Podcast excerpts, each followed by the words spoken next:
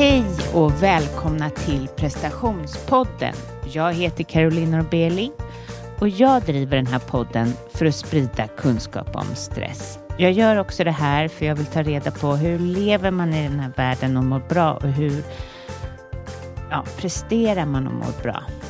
Eh, prestationspodden har ett nyhetsbrev och eh, är du intresserad av mina gästers bästa tips eller kanske tips om mina retreats eh, när jag kommer ut med kurser, när det sker och lite så, så gå in på carolinnorbeli.com.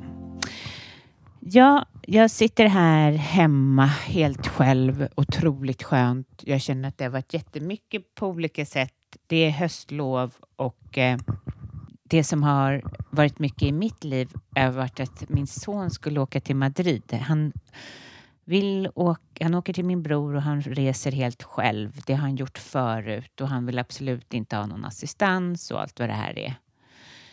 Um, och det faller sig ofta så lustigt för just nu i min coaching med mina olika kunder så befinner vi oss i det här med att överansvara för barn. Alltså det finns ju ett an, en, eh, det finns ju liksom det är klart att man bryr sig och oroar sig men eh, det går ju också till en överdrift. Det är som att jag, jag själv, jag vill ju bara att Lukas, det ska bara bli så bra när han åker iväg. Inget ska gå fel och inget ska, eh, nej men att hans förväntningar eh, bemöts. Och jag har, alltså, han åker till sin morbror som är helt fantastisk på att ta honom på Real Madrid-matcher och allting. Men det är den här förberedelsen innan och jag märker att han är väldigt nervös och jag blir nervös av hans energier och helt plötsligt så kan han komma och bara, nej men jag har inget, eh, mamma, vad är mitt eh, Visakort eller vad det nu han har? Bara, men du ska åka imorgon, du har inget kort att betala med. Äh, vad är mina byxor? Och vad, han, han är en liten eh, professor men med noll han har noll koll på sina grejer. Och jag tror ju också att det hör till åldern, så det är väl inte bara honom. Ja, men det gör att jag jag spänner mig så. Alltså jag måste hålla på och fixa för honom utöver att jobba med podden och kunder och så åka runt överallt och se till att det, det ordnar sig för honom och hans resa. Den har varit verkligen kostat på både ekonomiskt och eh, psykiskt. Men det blir så intressant då när jag sitter och liksom speglas av mina kunder då som där vi pratar mycket kring det här att man har oftast något barn som man tar ett överansvar för och att eh, jag tror att vår generation, eh, inte bara jag då, utan vår generation kanske tror att inget dumt ska få hända våra barn. Eller det kanske man kanske alltid i alla generationer har tänkt så, men jag tycker att eh, man vill liksom plöja åkern framför dem. Man vill, man vill inte, det ska inte vara något dåligt, det ska vara så himla härligt på, och på alla sätt och vis. De får inte ha tråkigt. Och det, um, ja, man blir ju trött av att bära den känslan faktiskt. Och jag kommer att tänka då på um, Buddha. Han uh, växte ju upp i en familj där var en um, där de träffade någon spåman som sa att han, ja, antingen kommer han bli en Buddha eller så kommer han bli eh, kung över det stora riket. Och han, hans pappa då ville beskydda honom från allt som har med sorger eller som har med eh, fattigdom eller som har med någonting sånt att göra så att det, han möjligtvis skulle kunna bli Buddha, för det ville han inte. Han tyckte det lät rätt mycket bättre med kung. Ehm, men han misslyckades ju i det. Han försökte och försökte göra allt för att han stängde in honom för att inte han skulle få se det verkliga livet. Och ibland så kan jag känna igen mig. Varför? Alltså, det är klart att Lukas inte och Matilda inte heller, de får se jättemycket av det verkliga livet. Men inom mig så vill jag stänga in honom. Alltså, och nu låter det här kanske konstigt, men jag, och jag är coach och allt det här, men ni förstår kanske vad jag menar. Och som, även om jag jobbar med det jag gör så har jag ju jag har mina tillkortakommanden. Men jag jobbar med det och jag ser det och jag fattar att liksom, nej, de måste ju få ha det jobbigt och de har haft det jobbigt på olika sätt och vis i skolan och hej och hå. Så det är inte så. Men eh, det är lite vad, vad försiggår i mitt rike? Inom mig helt enkelt. Ja, jag, eh, på Instagram så la jag just ut eh, mina tankar kring vad triggar dig? Eh, det var nog lite sprunget ur det här vad som har triggat mig. Det som triggar mig är ju verkligen mina barn. Eh, men att eh, börja se vad är det som får, får dig att tippa över när det börjar bli för mycket stress. För när man, när man liksom inte längre håller sig inom det parasympatiska nervsystemet, alltså man inte längre har kom kontakt med det här lugn och ro-systemet utan hela tiden bara är i stressen. Vad har tippat över? Vad är dina triggerpunkter? Alltså, vad triggar dig menar jag? Vad triggar dig? Det kan ju vara, är det kontakten med din pappa? Är det kontakten med några vänner? Är det att du inte tar några pauser? Är det att du glömmer bort att dricka? Är det att du inte äter ordentligt? Är det att du inte ger dig själv tillräckligt med vila? Är det alla, när det börjar bli stökigt hemma? Vad triggar dig? För om du identifierar vad som triggar dig, då är det så mycket lättare att kamma tillbaka dig själv ifrån stressen när det är för mycket. Men oftast så är det ju väldigt mycket saker på en gång och det kan ju vara jättesvårt. Men om man har fastställt så här, jo, jag triggas alltid av när, över när, när eh, det händer någonting med mina barn. Eller jag eh, triggas alltid när eh, eh, min man åker bort. Ja, vad det nu är så kan man ju se till att ge sig själv mer kärlek. Till exempel som jag som lever som jag lär, som har gått eh, och tagit en massage idag.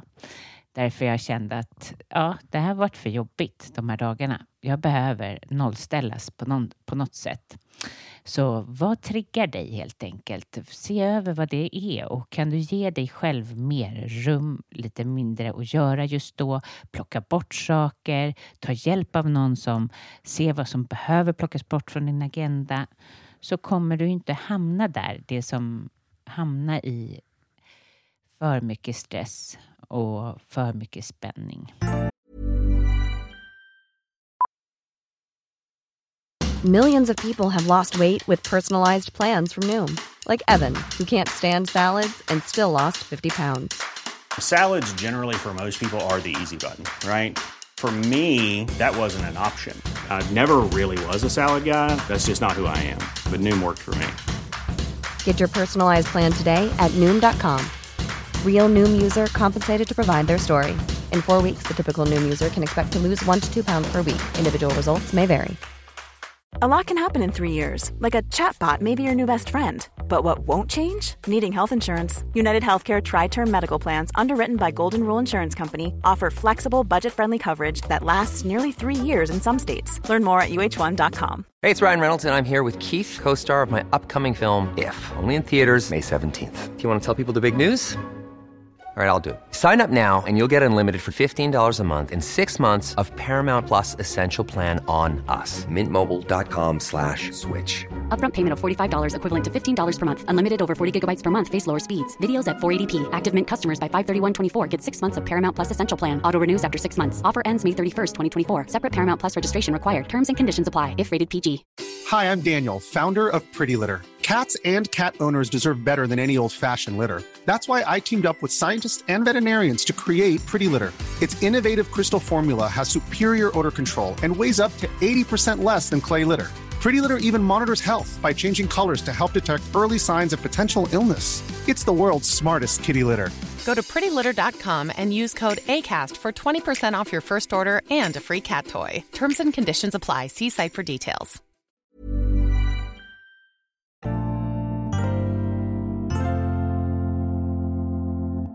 Jag har någon plats kvar i min coaching och är du intresserad av att arbeta med dig själv, skapa förändring, jobba med din stress, eh, minska prestationskrav, hitta tillbaka till dig själv, eh, så är du varmt välkommen att eh, Eh, höra av dig till mig på carolinnorbeli.com och signa upp och sen så kan, jag, kan vi ses i 30 minuter och, och får vi se om jag är rätt för dig.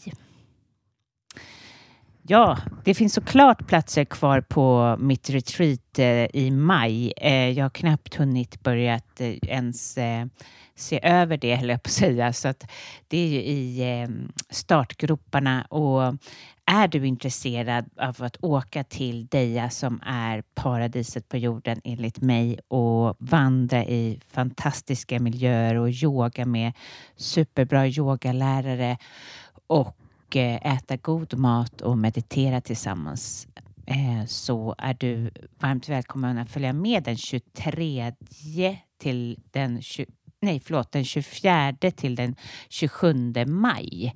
Alltså då är det så otroligt fint där i Deja. Det är alltså så mycket blommor och det är så fräscht och ja, så häng med helt enkelt.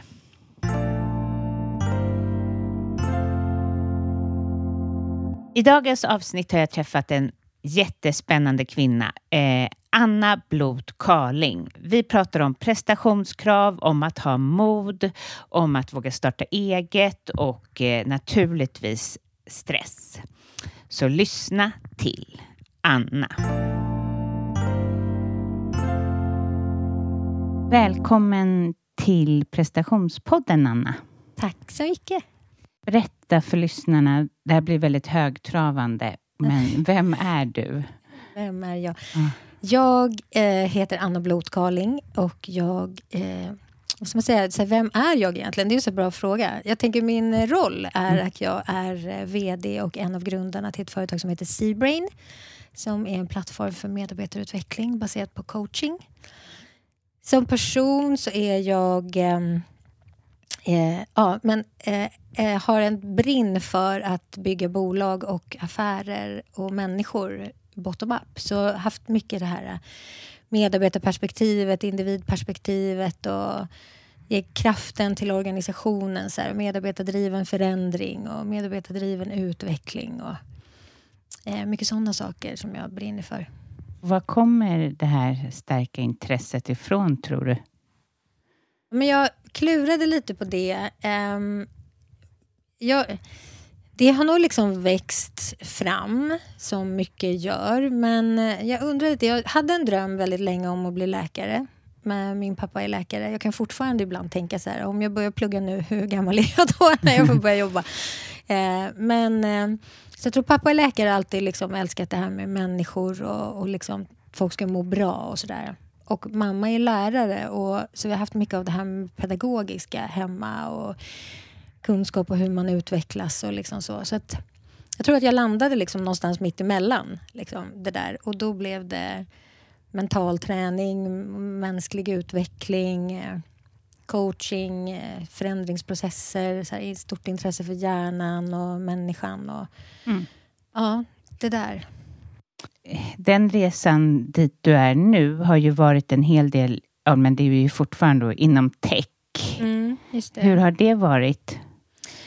Ja, men jag är ju inte alls tech Nej, det, det, det, tycker jag är så skönt när du säger det. ja, ja. Nej, inte alls. Utan eh, jag började inom PR och kommunikation och jobbade som konsult jättelänge. Och Eh, startade egen konsultbyrå tillsammans med två gamla kollegor och sen så blev det en helt egen byrå. Så, där. så jag jobbade ganska analogt väldigt länge eh, men tyckte att det var kul att utveckla processer och började liksom intressera mig för... Så här, för jag jobbade med förändringsprocesser blev det ju, och affärsstrategier och kände så här, vad är det som gör att människor vill förändras? För att det fanns ett sånt motstånd och massa strategier som man tog fram som man betalade jättemycket för bolagen och sen användes inte de.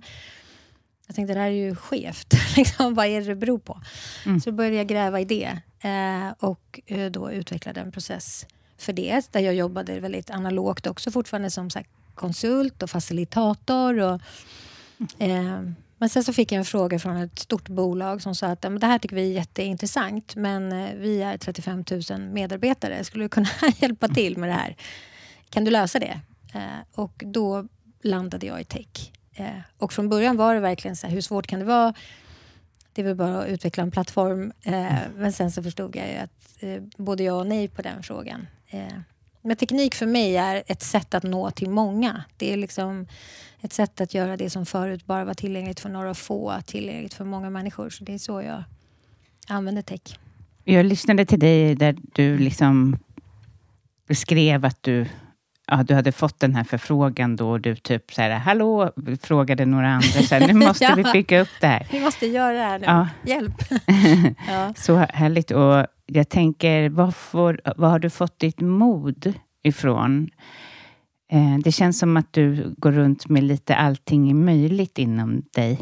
Ja, men jag är egentligen inte alls speciellt modig från början. Jag tror att jag är mer envis än modig från mm. början. Eh, och sen så har jag nog tränat upp det där. Jag fattade efter ett tag att liksom mod är en muskel. Lite grann. Mm. Att man kan öva den liksom, och ja. göra saker man inte vågar. Eh, små steg. Och sen så vet man efter ett tag att man överlever. Och då kan man liksom falla tillbaka på den insikten. Så att ja, det här är skitläskigt eller urjobbigt men eh, jag kommer klara det liksom, för att jag vet att jag har överlevt förut. Mm. Eh, och på det sättet så vågar man liksom ta sig an mer och mer saker. Så det är nog mer det, tror jag, egentligen. Och väldigt envis, som sagt. Så att det måste gå, det ska gå. Liksom. Men jag kan tycka också att man blir modig av att starta eget. Mm. Därför det finns inget annat val. Nej, alltså, det... Man behöver ju få, hem, få in en viss summa för att man överhuvudtaget ska överleva. Och det skapar ju ett mod på något sätt också. Mm. Absolut.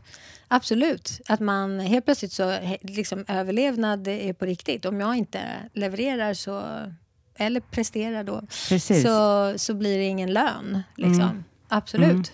Så är det. Um, och um, Ja, och um, det känns som att du, eller jag tycker det är väldigt härligt uh, det här som du beskriver att du uh, visste inte så mycket om tech, men du skapade den ändå. Det känns som att du gick din egen väg lite grann på det sättet. Uh, stämmer det? Ja, Jo, men det gjorde det nog. Jag tror framförallt att drivkraften var att jag bara såg att eh, det var så många medarbetare som var oengagerade och att man när man drev förändringsprocesser så gjorde man det på sånt konstigt sätt upplevde jag. Tänkte mm. att det går att digitalisera en massa andra processer. Varför kan man inte digitalisera liksom sund change management mm. utifrån liksom, som tar hänsyn till hjärnan och motivation, engagemang och det där.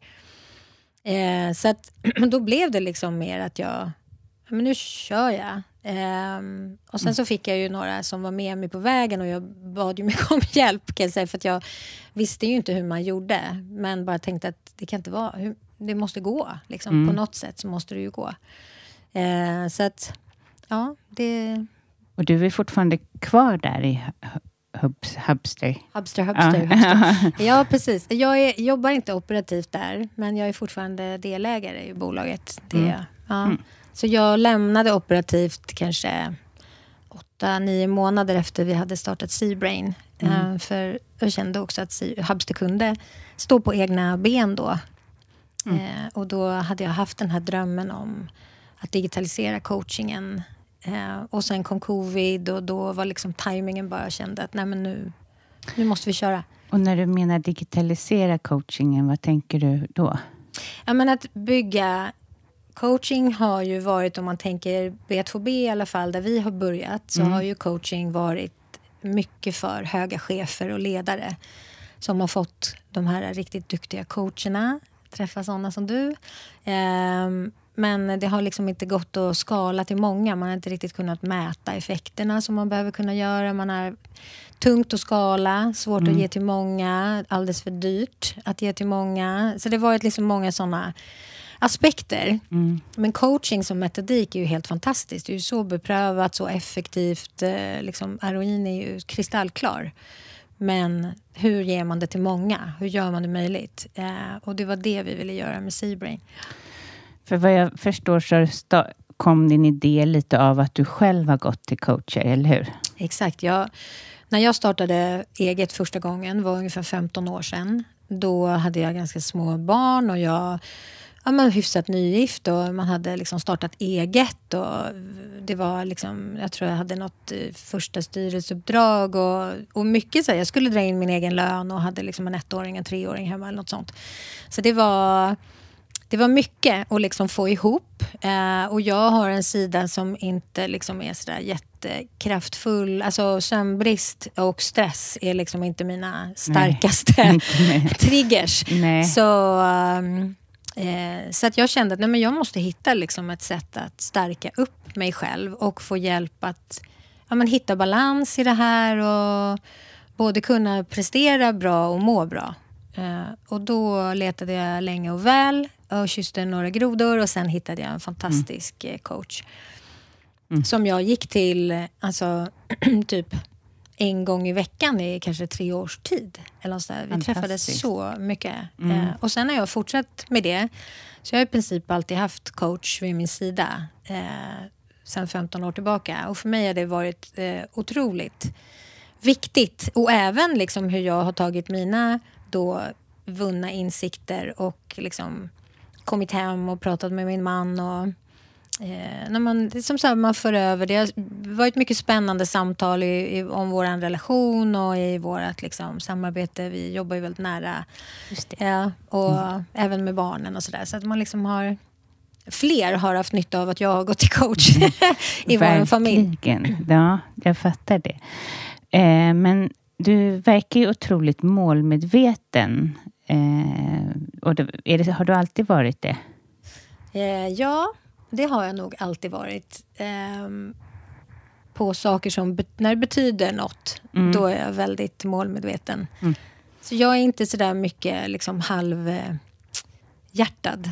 Utan eh, jag, om jag har med mig hela hjärtat, då går jag genom eld och vatten. Mm. Ehm, Så då har inte du särskilt svårt att sätta de målen. Alltså, alla människor sätter ju inte mål så Nej. överhuvudtaget, utan kanske mer hade stannat kvar i det trygga så. Men det känns som att du har vågat ta dig fram. Ja, men jag Ja. tror att jag har tränat på, ehm, eller det jag...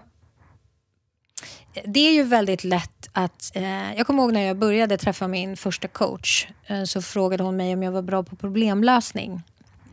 Eftersom jag hade den här lite stressade sidan och liksom, jag hade svårt att ta ner saker och prioritera grejer. Och sådär. Jag tänkte, vad sjutton, jag jobbar ju som strategikonsult. Det är klart jag är bra på problemlösning. Ehm, och då sa hon så att ja, men det är inte alltid samma sak att vara bra på problemlösa åt andra och vara bra på problemlösa åt sig själv. Nej, Och- verkligen inte. Och det var en så insikt för mig. Eh, att eh, jag faktiskt behövde träna på det. Liksom, och försöka liksom gå runt grejer och verkligen titta på problemet och inte bara lösa, försöka lösa det i huvudet utan så få ner det på papper. Eh, för jag kunde gärna gå och liksom grubbla på grejer i evigheter. Liksom, för det, jag hade någon motstånd att liksom få ner det på papper. Jag tyckte det var skitjobbigt att skriva ner grejer. Eh, men sen när jag väl liksom började träna på det så märkte jag att, ja, men, att det blev tydligt. Eh, och då blev det lättare att motivera sig själv såklart. För det var lättare att liksom bli av med den där känslan också när man fick till det. När man får ur sig det. ja, Mm. exakt, Vad exakt. spännande. Så det har nog tränat upp. Eh, och också det här med att försöka konkretisera grejer. Ehm, att, att liksom inte bara liksom landa i en så ganska fluffig formulering utan att försöka verkligen så specificera Vad vill det, du ha? vad jag vill göra. Mm. Så ja, Vad kul. träning. Ja. Men du pratade lite där om din stress. Hur har du haft det med det? Mm. Nej, men jag... eh, Alltså, det är ju en del av, av livet någonstans. Men jag har en ganska känslig sida. Eh, och den... Jag tar in väldigt mycket. Eh, liksom tar in andra människors eh, känslor och, och liksom läser ganska snabbt ett rum. Och är en sån här person som egentligen, liksom, mingel är inte egentligen det roligaste jag vet. Utan jag vill helst sitta i ett hörn med liksom, en eller några stycken liksom, och prata på riktigt. Det, det trivs jag med. Eh, så som en del av den där eh, liksom, lite känsliga sidan så kan jag liksom, ganska snabbt gå upp i varv.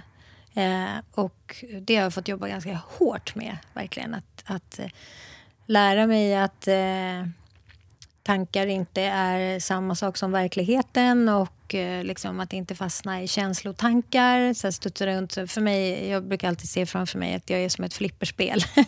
Mm. liksom en sån här mm. tanke kommer och så triggar en känsla och sen bara ding, ding, ding, ding, ding så är man liksom in i det här och sen ja. helt har man tappat liksom markkontakt. Ja. ja.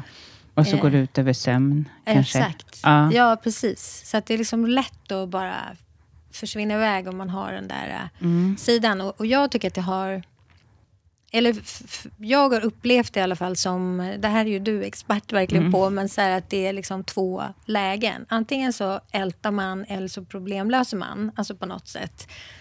Eh, och att, att kunna liksom, det man kan påverka naturligtvis, men att så här, okay, vad, antingen så bara är det som en oformlig klump liksom, som stressar mig eller så försöker jag liksom att reda i det på något sätt. Och, eh, så det, det, har jag försökt att träna mycket på. Så här, vad är det för någonting som stressar mig? Och... Precis, och också gå till action. Ibland mm. så ja, man håller det för länge. Mm. Att gå och ruva på sina tankar och problem är sällan... Ja, det är det du mm. menar. Mm. Är det det jag menar? Ja, Exakt. Och det, det, är så lätt att göra det också, mm. för att det är ju läsk... den andra saken är ju läskig. Mm. Alltså, ja. ofta. Ja. Alltså att man ska gå skriva ner, möta det man då är lite rädd för. Mm. Ja. Mm. ja. men det blir liksom tydligt mm. eh, när man skriver ner det. Och på något sätt så tänker man att man har kontroll över det när det snurrar runt i huvudet, men det är liksom precis tvärtom egentligen, ja. upplever jag. Så det, det där. Men det var mm. intressant, det där motståndet med att liksom få ner det på ett papper eller mm. liksom skriva mm. att jag hade så svårt för det. Eh, mm. Så det har jag fått kämpa med verkligen. Men nu upplever jag att det är mycket lättare. Eh. Ja, och det är nog ofta också för att de här tankarna vi har är ju ganska absurda eller... Alltså det är inte alltid, det är inte så här jätteverklighets... Det är ju sällan så här konkret. Bara, vad ska jag, hur ska jag hjälpa den här kunden? Eller, utan det är alltid lite så här fluffigt också, som det som sker här inne i en. Ja. Exakt, eh, och att det kan dra iväg i liksom massor med eh, så här, konsekvenser, liksom följd idéer om hur saker och ting skulle kunna vara eventuellt om, om man eh, tog i med sin allra värsta liksom, farhåga på något sätt. Och då, och då har man ju liksom seglat iväg totalt. Så att, eh, ja. det gäller att liksom se det där eh, och ja. dra, komma tillbaka till. Men som lite känslig som du är och du, nu jobbar ju du som chef över Eh, vad sa du innan här? Ni, ja, vi, vi är 18, 18. totalt i ja. bolaget. Ja. Hur, hur är det då? Eh, alltså jag menar, det här med att ta in folk och så. Det mm. måste vara något du jobbar på dagligen då? Ja, absolut. Mm. Det gör jag. Eh, och även så försöker ta med mina insikter och försöker leda med eh, alltså att folk ska känna sig trygga och liksom säga vad de tänker och tycker och att det är högt i tak och om det är något som skaver så liksom ska man känna att man kan ta upp det, att vi kan prata om sådana saker. Och, eh, sådär. Eh, så försöka ligga nära men eh, samtidigt kan jag, jag kan ju inte ta på mig allas eh, liksom, utmaningar mm. men, men att vi ändå har liksom högt i tak, att man kan ta tag i saker tidigt eller prata om grejer om det är någonting. Så det försöker jag verkligen få in i kulturen i bolaget. Och sen när man är den här känsliga typen så kan ju jobb vara någonting helt annat också. Alltså att det nästan är lättare med jobbrelationer mm. eller så. Eller ju, alltså man, ja, mm. jag kan tycka det. Mm. Eh, men du har aldrig varit så stressad att det liksom har varit, nej, nu är det det här är på gränsen. Jo, men ja. absolut. ja. Jo, men absolut. Absolut ja. eh, har jag känt liksom att det är... Ibland har man varit, så man varit så här, okej, okay, hur stressad kan man vara? Liksom? Mm. Är, hur, hur, långt går det? Liksom mm. så. Men, eh, men, men ehm, jag är, det jag är bra på är också att jag drar i bromsen. Alltså mm. jag, inga, jag vågar säga nej. Om det är så att jag känner att det är för mycket, då backar jag hem liksom, mm. och vilar upp mig och tackar nej till saker och, och sådär. Så det har jag liksom, det har jag inga problem med. Eh, för att jag känner att ja, men det, det är det jag behöver nu, mm. så då gör jag det. Och sen så får man ju, det jag får träna på är ju att eh, allokera liksom den här eh, sunda energin liksom, och att eh, inte ta slut på den. Ja. Utan att liksom lägga gränsen, alltså man behöver inte pusha sig själv eh, för långt. Och det är väl också något som kanske kommer med åren. Kan jag känna, för mig har det gjort det i alla fall, att jag eh, liksom förstår att här, ingen kommer tacka mig om jag sliter ut mig helt. Liksom. Det kommer ingen vinna på. Eh, och nu behöver jag liksom få vila upp mig, då, då pausar jag. Bra. Och du är ju extra utsatt som driver eget. Men, eller, ja, Mm. det är ju lite, vi pratade ju om det lite när jag ringde dig här innan. Eh,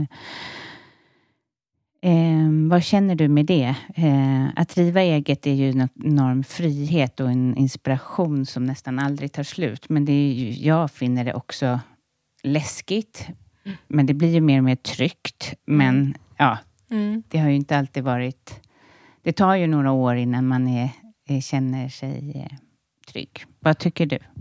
Men verkligen. Jag, tror, jag har gjort det så pass länge nu att Mm. jag, för mig är det nästan liksom svårt att tänka mig att jag skulle helt vara anställd. Mm.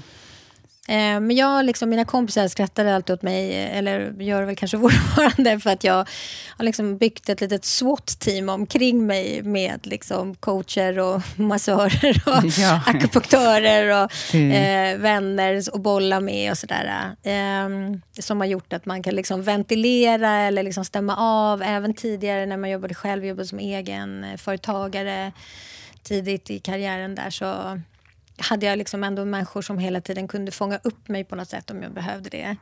Eh, och, och nu så driver vi bolag med min man och en, en annan härlig kvinna som så vi eh, har ju bolag ihop, jag, Gustav och Jessica. Och det är klart att för mig och Gustav så är det ju lite speciellt eftersom vi är två egenföretagare. Det kanske är, eller liksom, det är ju inte jättevanligt. Oftast är det en entreprenör i en familj kanske. Eh, och någon som har en liksom fast inkomst och lite mer stabilt. Sådär. Vi har ju haft lite mer under åren. Sådär. Kan, kan du ta ut lön den här månaden? Nej. Kan du ta ut lön den här månaden? Nej. Och så har man liksom försökt att läsa det. Men, eller lösa. Men det. Eh, vi eh, har hittat liksom ett synk oss emellan som gör att vi dels vi växeldrar om någon tung drar så liksom drar den andra lite mer och peppar lite mer. Och, eh, Gustav är väldigt duktig på problemlösning så det gör ju också att det blir skönt för mig. Liksom. Jag har en förebild där. Ja, precis. Och jag hörde i någon intervju också att du tycker att han besitter ett stort mod som du inspireras av. Ja, Verkligen. Nej, men han är ju, till skillnad från mig, född totalt orädd. så han är gud otroligt modig och Ja. eh, väldigt liksom orädd, verkligen. på ett, Inte på ett så galet sätt, men mer bara att han, han tänker att ja, kommer det en curveball, då fångar han den och sen så löser han den. Eh, så att det är ju väldigt eh, härligt. Jag tror att jag har verkligen styrketränat modmuskeln eh, mycket också tack för att jag har gått bredvid honom.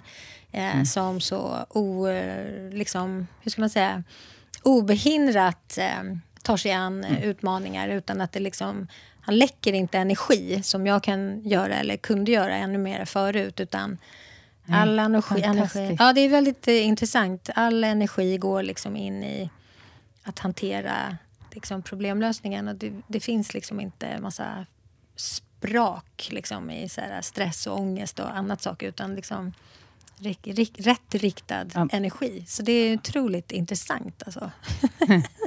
vad härligt att ha det vid, vid sidan om. Verkligen. Ja. Vad är, om vi är inne nu här på eh, poddens liksom core så är det ju stress men också prestation. Mm, mm. Hur känner du inför det? Har du haft prestationsångest eller känner du att det är enklare med själva prestationen än just stress? Nej, men jag har absolut haft prestationsångest och man lovar saker, speciellt liksom sen jag gav mig in på techbanan eh, kan jag säga. Och man kanske började jobba med riskkapital eller människor som investerar i ens bolag. Och man liksom har satt upp mål och visioner och affärsplaner och pitchdeck och sådana saker som man har presenterat som man verkligen tror på.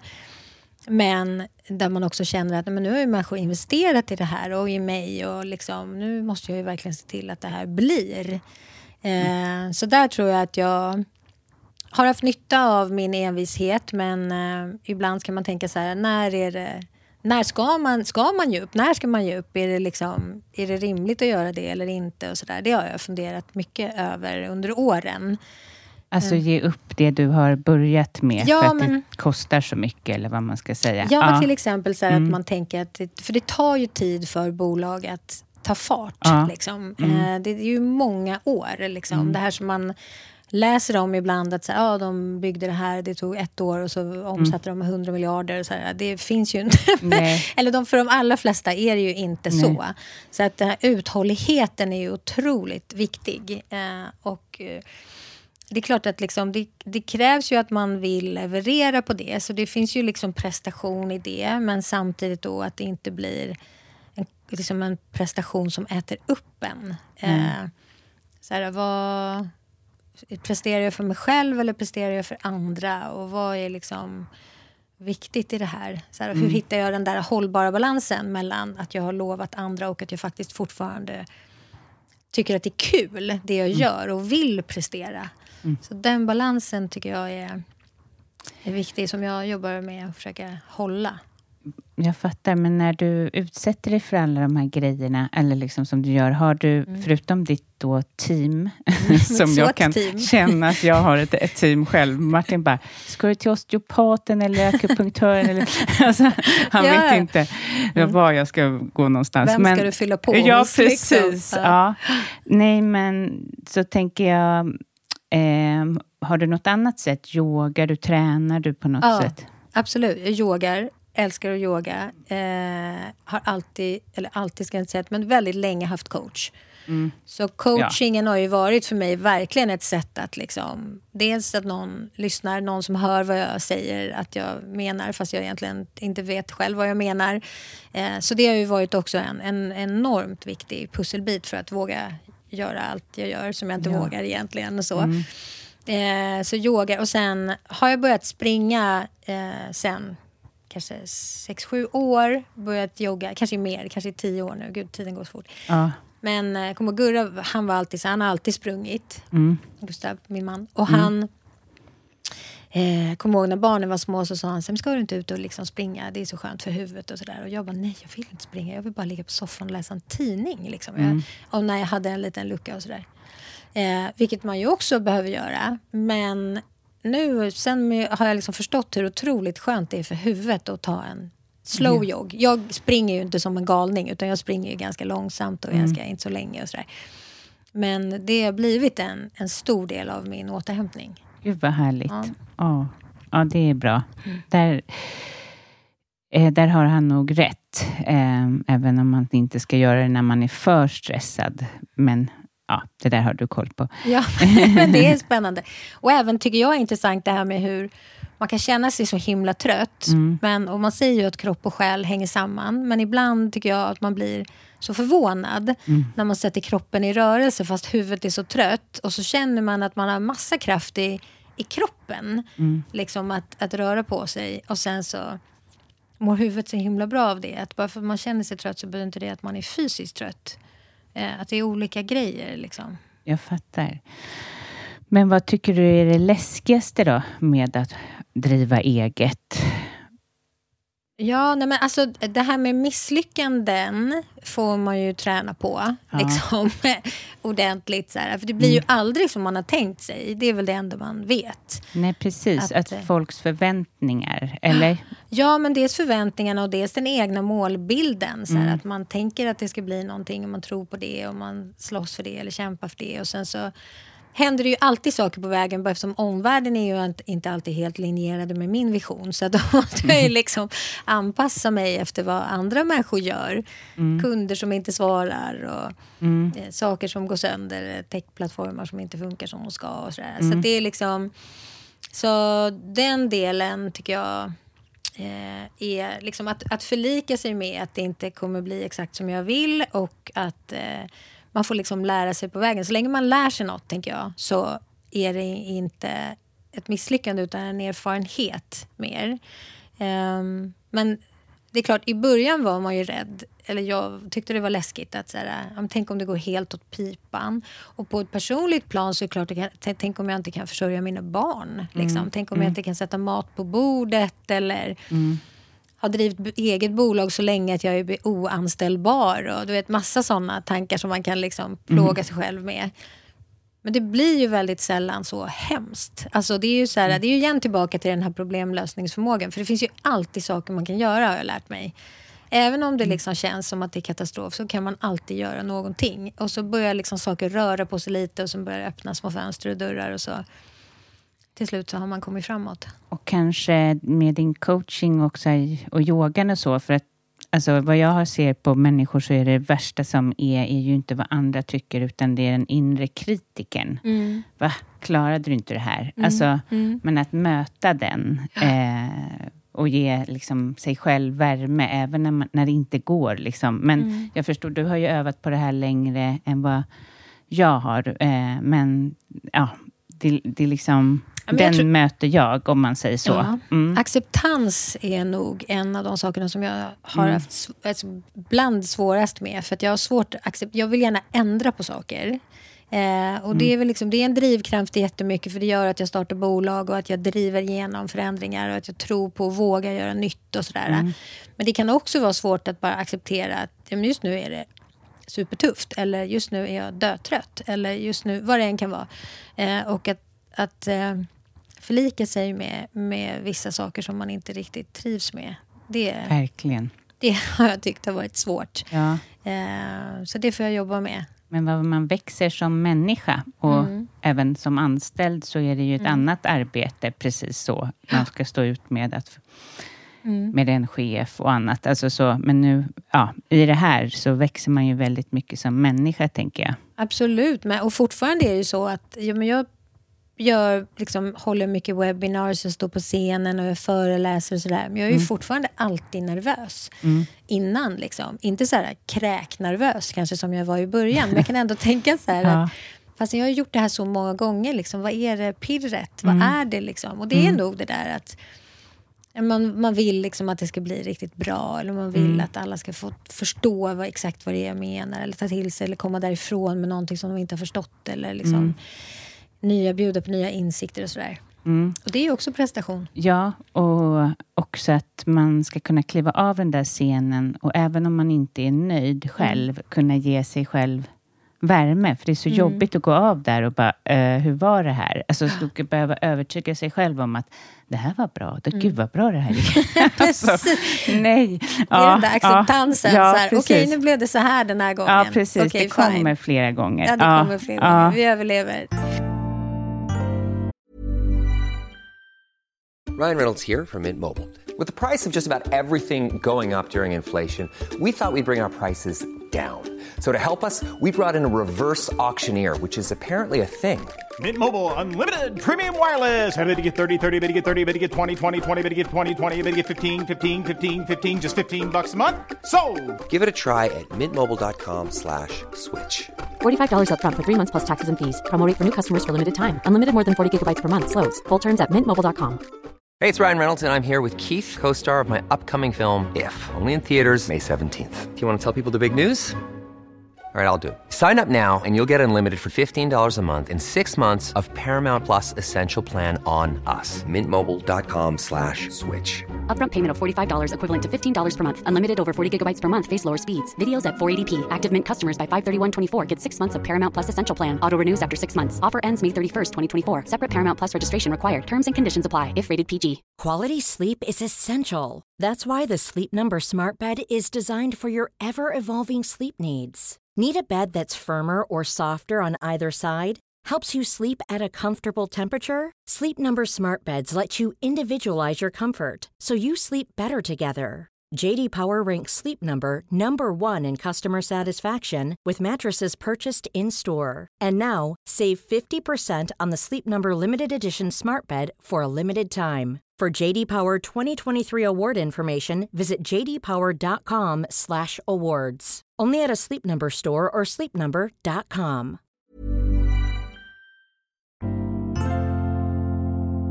Eh, så berätta lite mer om Seabrain. Ja. Eh, ja, som, eh, som vi har pratat om lite grann. Men Mm.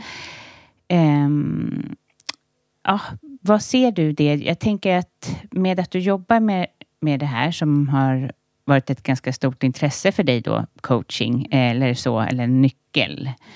Ehm, får du Får du en dos av det bara genom att befinna dig i det här? Alltså du befinner dig bland coacher, kontakter och liksom Mm. i deras... Eh, känner du att du kan växa i det också? Förstår du vad jag menar? Ja, men eh, absolut. Det kan ju bli lite sådär... Alla som jobbar på Seabrain har ju coach. Eh, Mm. Så vi använder ju vår egen plattform. Så jag träffar ju coach varannan vecka. Ah, Eh, och det gör nästan alla av oss. Ehm, Så att vi liksom, ja, lever som vi lär och, och ja, någonstans försöker liksom verkligen också må så bra som vi tycker att vi förtjänar.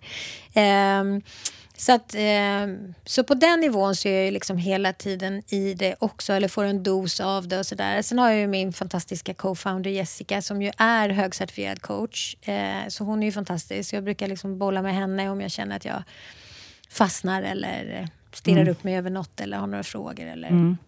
Så det är ju väldigt lyxigt. Ehm, så, så det är liksom båda de delarna. Men sen kan det ju bli ganska så här teoretiskt, eller vad man ska säga. Vi jobbar ju mycket med att lyssna på vad kunderna säger och vad liksom tycker användarna om plattformen. Vad säger coacherna, vad säger liksom företagen och så. Men sen sitter man ju också och teoretiserar mycket. Så här, till exempel vi har en jätteduktig psykolog anställd och Jessica och jag liksom och även våra tech-team och så sitter och jobbar mycket med så här, okay, hur digitaliserar man psykologi? Liksom? För det är ju det som ligger bakom coaching. Liksom Hur hjärnan funkar och hur man utvecklas och prestation och personlig utveckling och sådär. Så, ja, så här funkar motivation och hur ska vi bygga in det? Och så här liksom... Det här är det som vi kallar för potential som vi har landat i. Liksom fyra faktorer som vi jobbar mycket med. Självinsikt, energinivåer, och motivation och självledarskap. Vad är det och hur kan vi liksom bygga in det här och få liksom fler att kunna få tillgång till coachingmetodiken och sin egen potential ehm, på ett bra sätt utan att det kostar för mycket eller blir för svårt. Eh, så man är liksom ständigt i det, men sen får man liksom backa ur och fokusera på sig själv med jämna mellanrum med de här coachsessionerna. Det är ju superskönt. ja.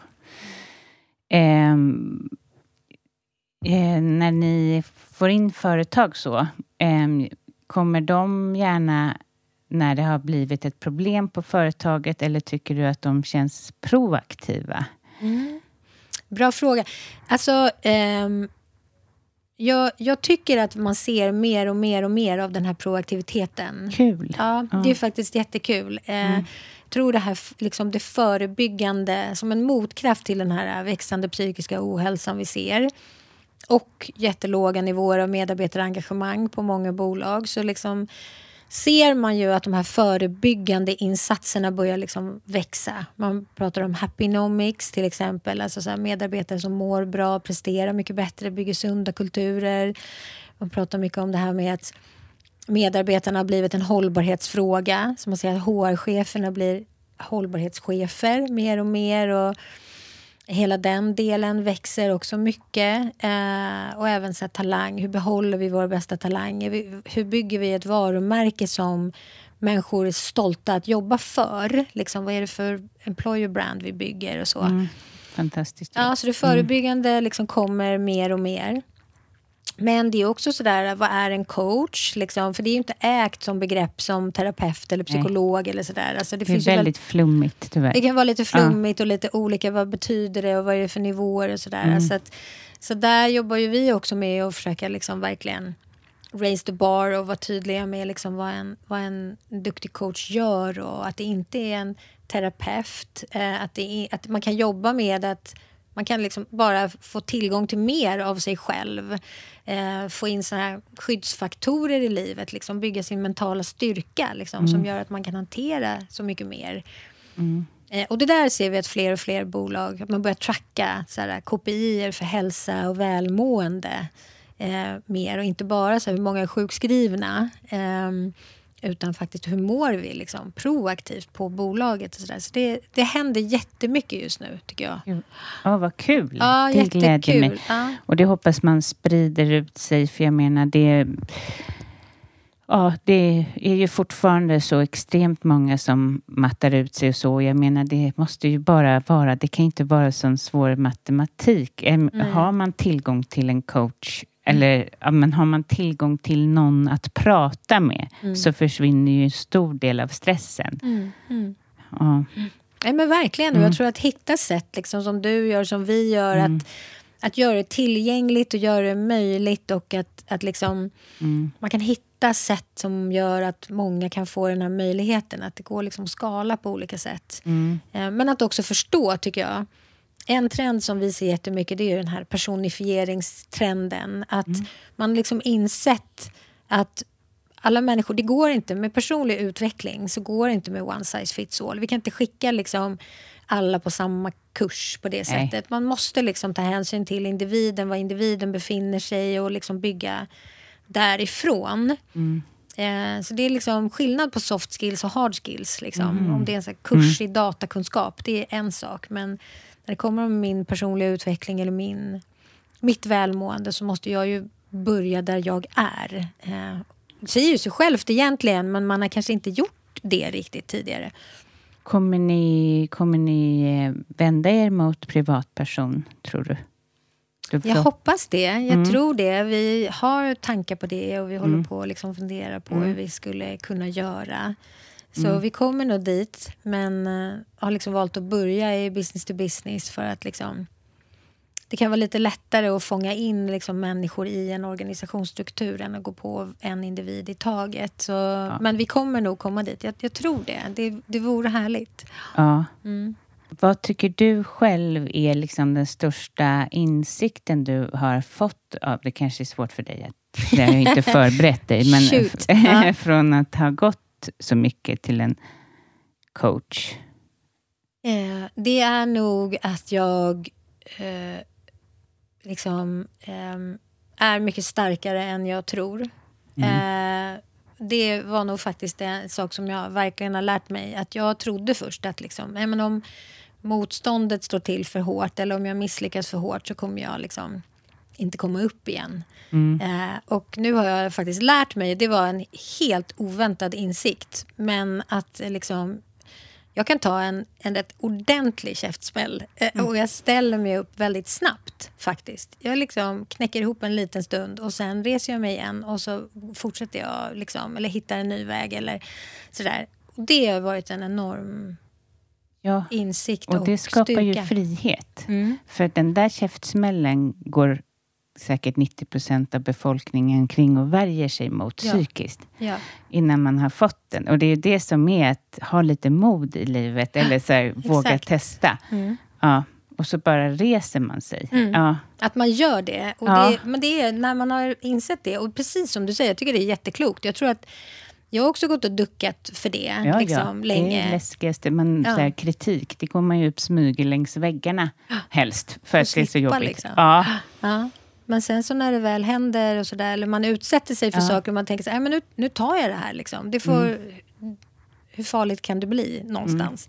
Eh, och det blir ju aldrig så läskigt som man har tänkt sig. Man är ju, den där scenarierna man spelar upp i huvudet är ju alltid hundra gånger värre än verkligheten. Eh, tycker jag i alla fall. Eller 99,9 procent av fallen. Mm. Eh, och sen så att man faktiskt så här, ja, gjorde, det där brann till ordentligt. Det var inte kul på något sätt. Men moving on. Liksom. för, ja, för rädslan för att misslyckas, det går vi ju runt här i Sverige mycket mer än Mm.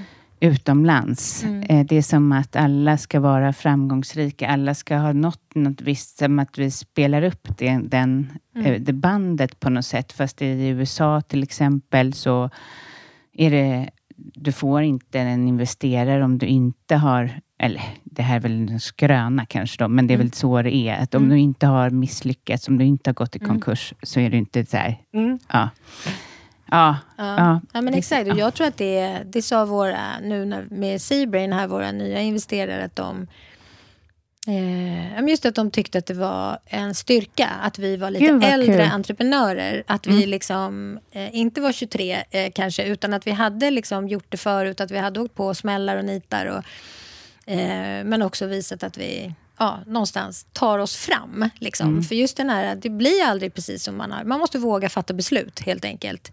Så länge man fattar beslut så kommer man framåt. Det värsta är att inte våga besluta någonting. Sen kan det bli fel och man får börja om och göra om. och eh, gå tillbaka eller be om ursäkt eller vad det nu än är. Men eh, så länge man liksom vågar bestämma någonting och köra framåt. Det där kommer nog lite mer erfarenhet också tror jag, eller med åren. Eh, så det var faktiskt en, en cool grej tycker jag med Och det kan man ju verkligen översätta i allas liv. Mm. Alltså det här med alla obestämda saker som man går och bär på. Som man tycker är jobbigt, så här, hur ska vi göra inför julen? Bara den. Eller liksom faktiskt. Man går med istället för att ta och bara besluta det. Att den energin blir mycket mer kraftfull och ren och att man slipper gå omkring och bära på saker hela tiden. Ja. Exakt, jag håller Mm. med. Mm. Och när det gäller bolagsbygge så är det extremt mycket så. Liksom. Ja. Man måste bestämma grejer. Ja. Eh, och bara, för att annars kommer man inte framåt. Så fatta besluten och sen så får man göra om i så fall om det blir tokigt. Mm. Så, mm.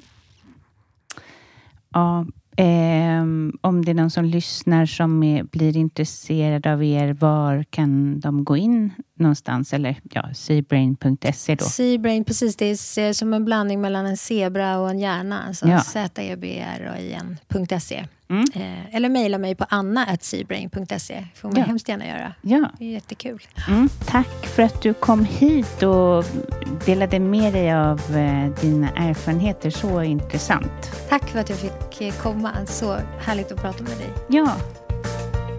Tack snälla till alla er som lyssnar.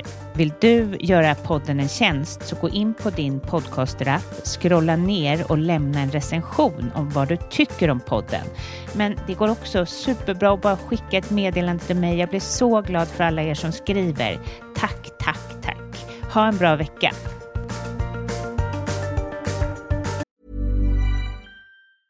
Small details are big surfaces. Tight corners are odd shapes. Flat, rounded, textured, or tall.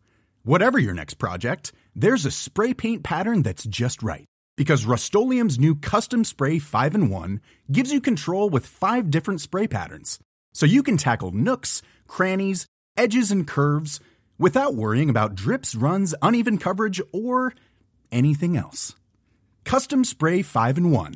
Only from Rust Mom deserves the best, and there's no better place to shop for Mother's Day than Whole Foods Market. They're your destination for unbeatable savings, from premium gifts to show-stopping flowers and irresistible desserts. Start by saving 33% with Prime on all body care and candles. Then get a 15-stem bunch of tulips for just $9.99 each with Prime. Round out Mom's menu with festive rosé, irresistible berry chantilly cake, and more special treats. Come celebrate Mother's Day at Whole Foods Market. Planning for your next trip?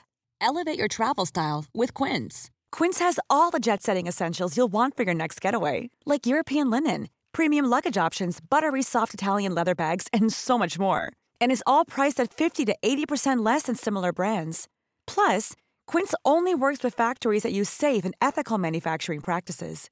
Pack your bags with high-quality essentials you'll be wearing for vacations to come with Quince. Go to quince.com slash pack for free shipping and 365-day returns.